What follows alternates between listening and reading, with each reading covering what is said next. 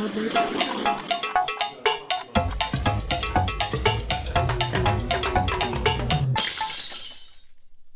Hej och välkomna till Retorikiska podden med mig Camilla Eriksson.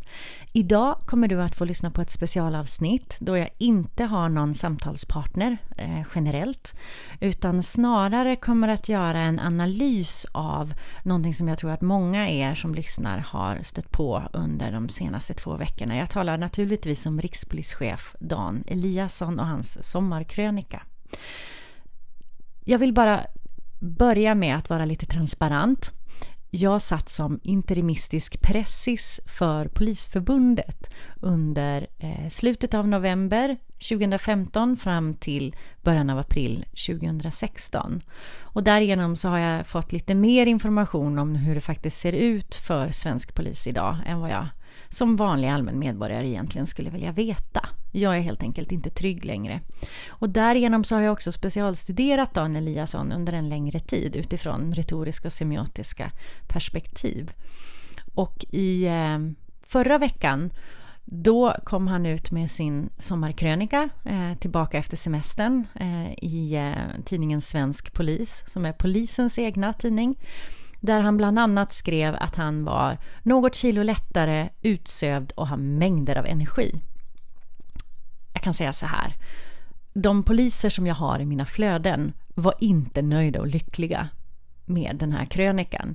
Den går att läsa på Svensk Polis och jag länkar också till den här krönikan i inlägget till den här bloggposten på retorikiska.se.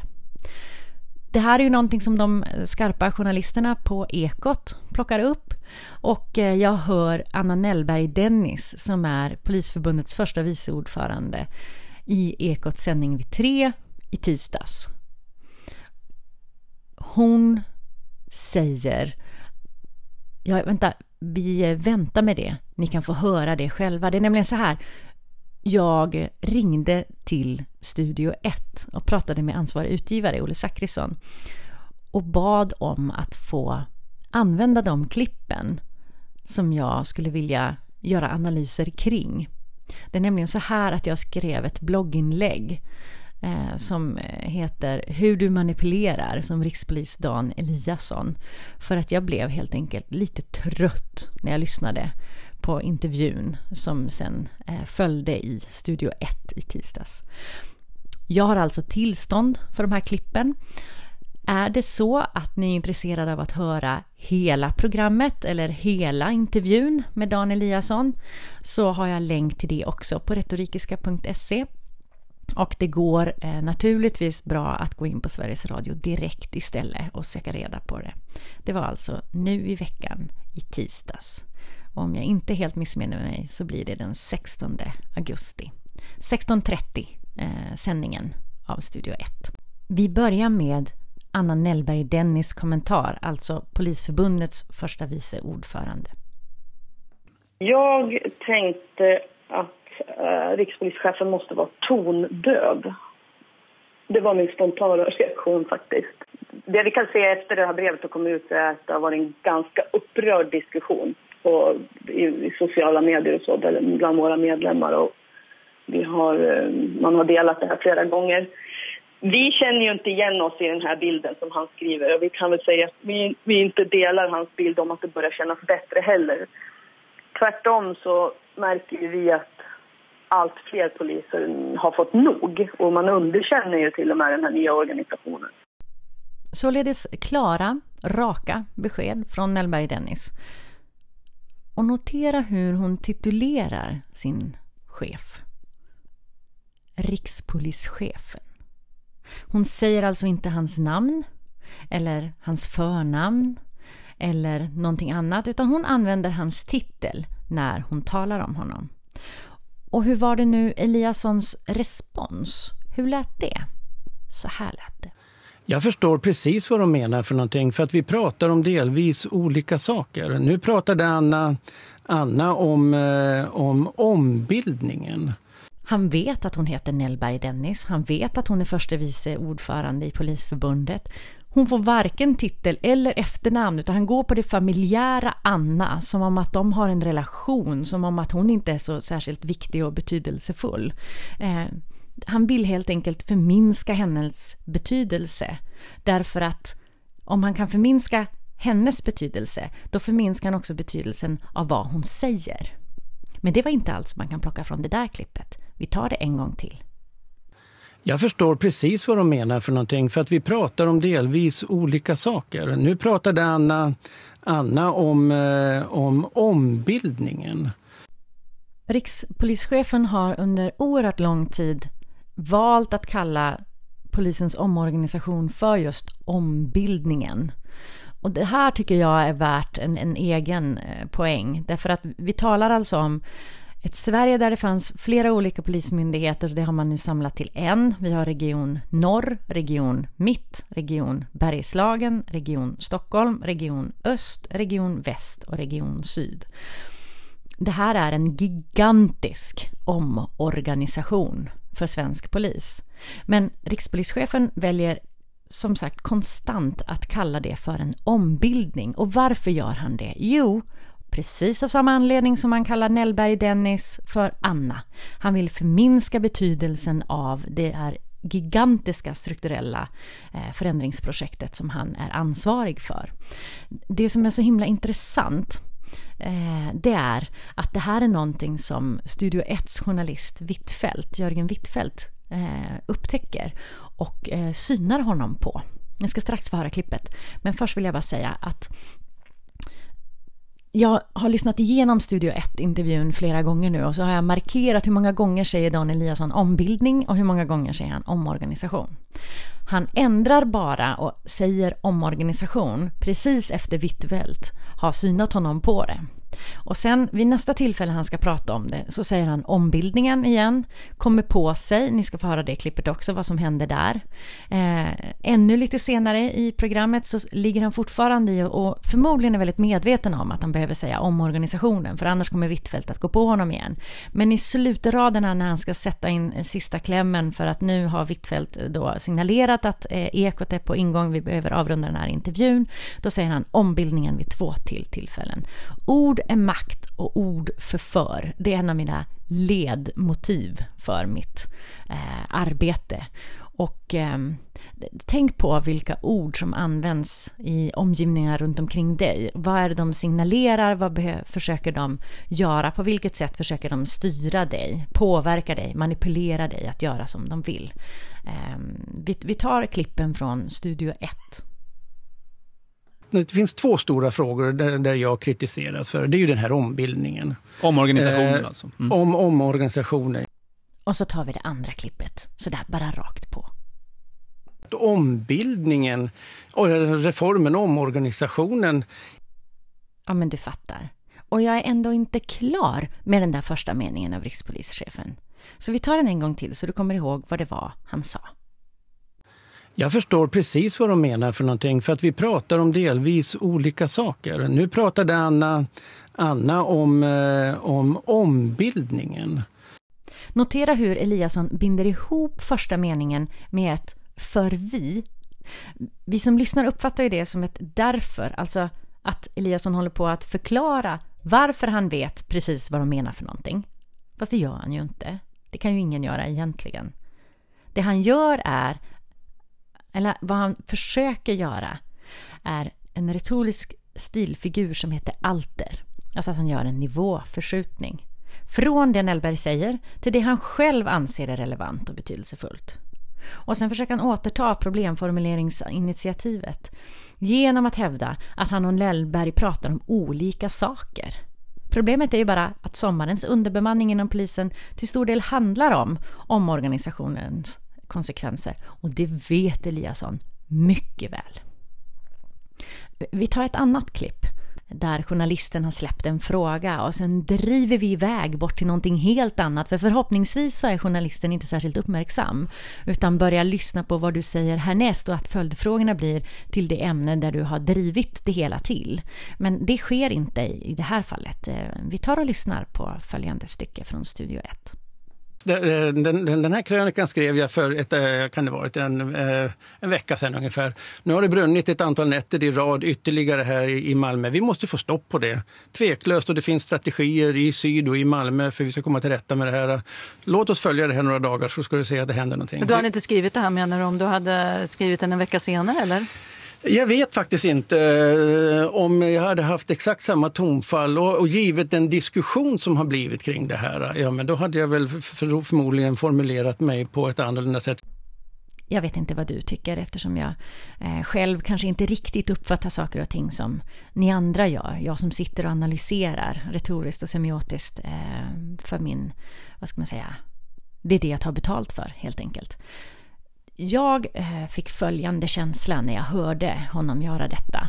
Varför besvara frågan när det så finns så mycket annat som jag kan prata om, som är viktigt, betydelsefullt.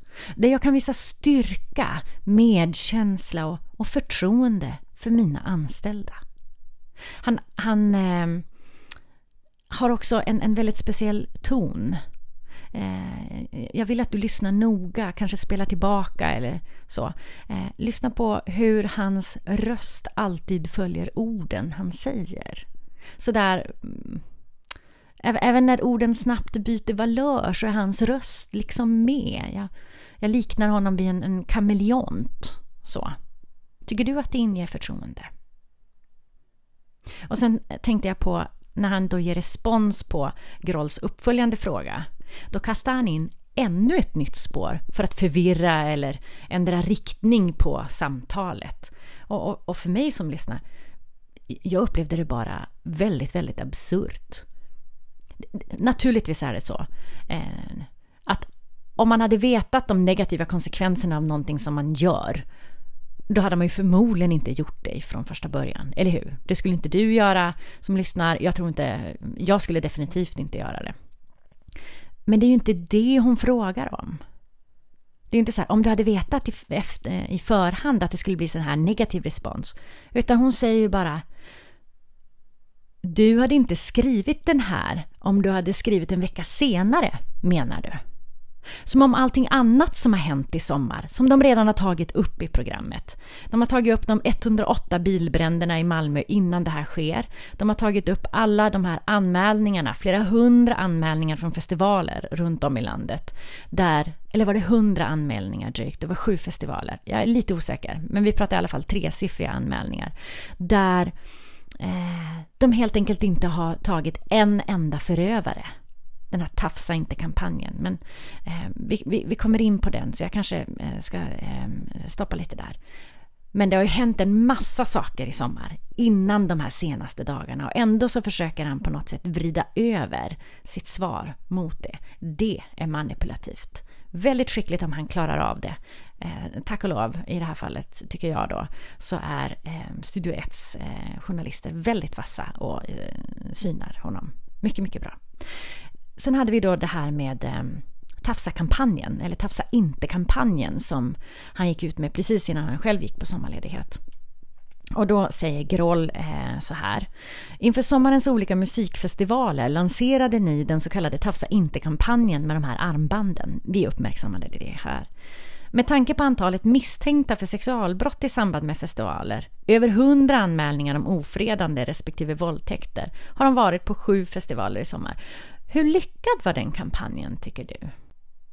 Vad som händer är att Eliasson inte svarar direkt på frågan utan börjar prata om andra aspekter av den polisverksamhet som de har bedrivit för att förebygga brott på festivaler. Återigen så är det Jörgen Wittfeldt som lackar ur och synar Eliasson. Vi, vi tar och lyssnar på det på plats. Okej, men det, det kokar ju ändå ner jätte... till, det kokar ändå ner till hur många misstänkta tafsare har ni lyckats gripa och lagföra hittills? Ja, det är få. Alldeles för få. Faktiskt men det är extremt... en, en person ja. är idag frihetsberövad för sexuellt ja, om, du, om du skulle kunna tala om för mig hur vi skulle kunna jobba smartare för att få reda på hur man tafsar. det är inte i, mitt jobb. I, nej, men, det, men, men, du raljerar kring det. Nej, jag säger bara hur, hur resultaten faktiskt ser ja. ut. Jag kan förstå att de här resultaten är oerhört frustrerande för en rikspolischef som vill visa på hur effektiv poliskåren är trots att den är underbemannad, en litotes i sammanhanget. Men det han gör härnäst, det är inte acceptabelt. Inte någonstans. Dan Eliasson är en av myndighets-Sveriges absolut tyngsta chefer. Och så här reagerar han när han blir satt under press av en journalist på Sveriges Radio. Jag vet inte vad du tycker, men jag tycker att det där eh, det är illa. Han borde liksom stå över det här. Han vet ju att journalisterna är granskande och att de eh, inte försöker sätta dit honom men försöker få svar, raka svar från rikspolischefen. Va, vad gör han efter det? Jo, han försöker fästa negativa beteckningar på Hvitfeldt. Han säger att, att han raljerar. Han försöker alltså förminska journalisternas frågor genom att spela förminskad av deras frågor. Tack och lov så föll inte Hvitfeldt i den fällan. Det här, eh, jag kan egentligen fortsätta ganska länge med att göra sådana här analyser av vad rikspolischefen sa här nu i Studio 1, för att det finns oerhört mycket mer att komma med. Han pratar ju ändå i 14 minuter med de här journalisterna. Men jag väljer att stanna här för jag tycker att jag redan har gjort min poäng. Däremot har jag en annan poäng som jag skulle vilja göra och det är att visa för er eller snarare få er, låta er höra en, en polisröst. Och då är det så här att eh, Sofia Villander, hon är ordförande för Polisförbundet i Region Syd, alltså Malmöområdet framför allt, som just har eh, haft en väldigt, väldigt tuff sommar. Hej Sofia och tack för att du är med. Hej Camilla, tack själv. Ja, du, du skrev ju ett inlägg på Facebook som blev väldigt spritt och många kommentarer på redan direkt efter han hade lagt ut den här sommarkrönikan eller vad vi skulle kalla det. Hur kom det sig att du skrev av dig i ilska på Facebook sådär? Ja, det var helt enkelt så att jag fick ett sms. Jag stod i ett parkeringsgarage redo att lämna min son på hockeyträning och eh, fick ett sms eh, med fem utropstecken. Har du läst Dans veckobrev? Och förstod direkt att det var Dan Eliasson.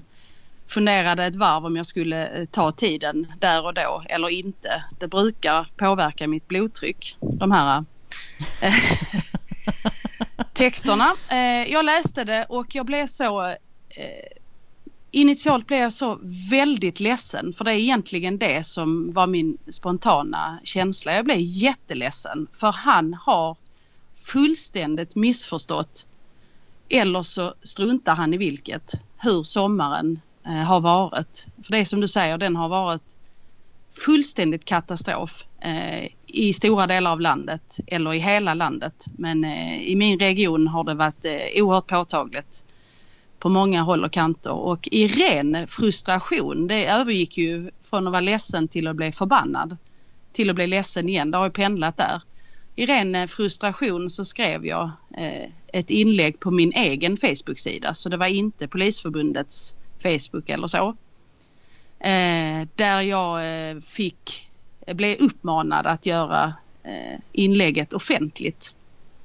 Och därefter fick den spridning. Så det här är författat rakt av känslomässigt i ett parkeringsgarage på fem minuter.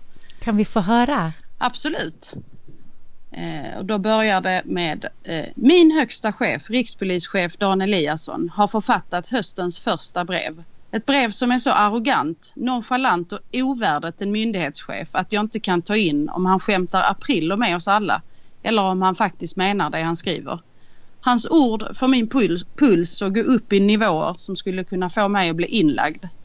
Dan, din personal är på många håll i landet så tröttkörda, uppgivna, förbannade och ledsna att du borde vända på varenda sten för att med alla medel vända skeppet och visa att du är en chef som prioriterar sin personal. Vi har personal på ledningscentralen som börjar sina pass 6.45 slutar klockan 19 eftersom det inte finns någon annan som kan sitta på stolen och svara på samtal, dirigera poliserna och leda insatser. Det finns inga andra. Det är tomt. Några börjar 19 och slutar 07, flera helger på raken. Vi har utredare som agerar både spaningsledare och utredare som är helt ensamma med grova brottsutredningar eftersom det är tomt på kollegor i korridoren. Vi har mordförsök och våldtäkter som ligger i balanshögen. Flera stycken dessutom. Det finns ingen som kan utreda. Allmänheten ger upp sina försök att nå polis via telefon då ingen svarar på mycket lång tid. Att du har mage och gå runt bland dina medarbetare och se alla du träffar i ögonen efter ditt brev om din tolkning av sommaren. Det krävs en speciell personlighet för att klara detta. Jag själv hade klappat ihop av skam. Alltså för mig, det är nästan som jag inte vill veta. Men jag tänker ändå, det har ju gått några dagar nu sedan du skrev det här och du har fått väldigt mycket reaktioner på det. Vilka tankar har kommit efter du skrev det här? Eh, massor med tankar. Eh, för min egen del så brottas jag ständigt med hur mycket kan vi berätta? Vad är skadligt för verksamheten och vad är eh, då pratar jag inte sekretesskyddat men det finns en upplevd trygghet. Man har fortfarande ganska stort förtroende för polisen i Sverige eh, och givetvis önskar jag att det ska vara, eh, vara så, att det ska förbli så. Eh, jag är själv polis, jag ska jobba i 20 år till och värnar ohyggligt mycket om vårt varumärke Svensk Polis. Eh, det börjar bli riktigt kämpigt att stå rakryggad och eh, ja, det, det är inte så mycket kvar att försvara längre. Det är eh, oerhört sorgligt det som händer och att vi dessutom har en högsta chef som inte kan instämma i att det är oerhört ansträngt utan snarare raljerar över att hans sommar har varit bra och nu är han utvilad. Och det finns till och med de som påstår att sommaren har varit jobbigare än andra somrar. Herregud, det är så fruktansvärt arrogant efter hur sommaren faktiskt har varit. Om man tänker så här, det, det, kan ju inte bara vara ni poliser som har upptäckt att det, det, här var en riktigt tuff sommar. Har du hört någonting från andra yrkesgrupper som också har fokus på eh, samhälls, den här sidan av samhället så att säga, den som inte mår så bra? Mm. Vi har eh, många som har eh, påtalat eh, på alla håll och kanter att det fungerar inte. Vi har åklagare som går ut och, och, skriver och kritiserar polisen för att vi inte gör vårt jobb längre. Vi har eh, kommunpolitiker, vi har eh, allmänhet, vi har... Där, där, är, hur, där är en uppsjö av människor på olika positioner i samhället som eh, påtalar att där är ett haveri inom svensk polis just nu. Och trots det så verkar det rinna av Eliasson som vatten på en gås. Han har inga problem med att fortsätta hävda att det inte är några större problem. Det är lite små problem med, vad kallar han det, inte omorganisation utan ombildningen. Precis som du skriver. Vi har väl aldrig pratat om en ombildning. Det här är en jätteomorganisation som måste eh, kosta både i pengar och i tid och där är ju ingen som har trott att det här skulle vara smärtfritt. Men så som det är nu, det är under all kritik. Det går inte, vi måste vända. Och så länge vi har en högsta chef som inte står upp för att det faktiskt är så, så ser inte jag hur det ska kunna gå att vända. Ja, men ni hör ju. Det är inte bara jag som tycker att det finns en stor diskrepans mellan eh, den verklighet som eh, väldigt många olika aktörer i vårt samhälle beskriver och den som Dan Eliasson beskriver. Men du, tack Sofia Villander, ordförande för Polisförbundet i Region Syd, för att du var med idag och berättade din bild av verkligheten. Tack själv. Så, vad är det du hör? Inte riktigt samma bild som förmedlas av rikspolischefen och ordföranden i Region Syd för Polisförbundet, eller hur? Är det så att du vill veta lite mer om vad poliser tycker om den här omorganisationen eller hur det ser ut för svensk polis idag så var det faktiskt så att under Almedalsveckan så poddade jag just första vice ordförande Anna Nellberg Dennis. Det finns en länk till det avsnittet eh, i bloggposten till det här eh, det här poddavsnittet. Annars så finns det ju naturligtvis också eh, på de olika ställena där man plockar upp poddar, till exempel eh, Podcaster. Det kan också vara så här att du tycker att det är lite intressant där med manipulationstekniker, härskartekniker, makttekniker, kalla det vad du vill, kärt barn har många namn. Och eh, då kan du också gå in på retorikiska.se för jag skrev för några år sedan någonting som jag kallar för härskarteknikskolan där jag tog upp Berit Ås härskartekniker exemplifiera dem, eh, visa på hur du istället för att slå tillbaka, för jag, jag tror inte att det fungerar särskilt bra i verkligheten. Det kan vara så att man skrattar om någon står på scenen och berättar om det här. Eller man skrattar när man läser i en bok. Och man skulle så gärna vilja säga de där fantastiskt smarta sakerna till de här människorna som försöker härska över en. Men i verkligheten så kommer det inte att ske och det ger inte så himla mycket. Utan vad jag har försökt göra istället är att visa på hur du kan neutralisera den som försöker härska över dig Eh, på olika sätt. Bland annat att medvetandegöra. Eh, och det finns då också på retorikiska.se. Jag hoppas att du gillade det här specialavsnittet av Retorikiska podden. Nästa vecka kommer återigen ett samtal mellan mig eh, och i det här fallet med en man som arbetar med ljud. Det är mycket intressant. Missa inte det. Tack igen till Studio 1 och Sveriges Radio för att jag fick hävda citaträtt. Eh, och använda delar av ert material. Det går som sagt att höra hela intervjun på sverigesradio.se och det var tisdag den 16 augusti i Studio 1 16.30 som den sändes. På återhörande och ha en fortsatt underbar dag.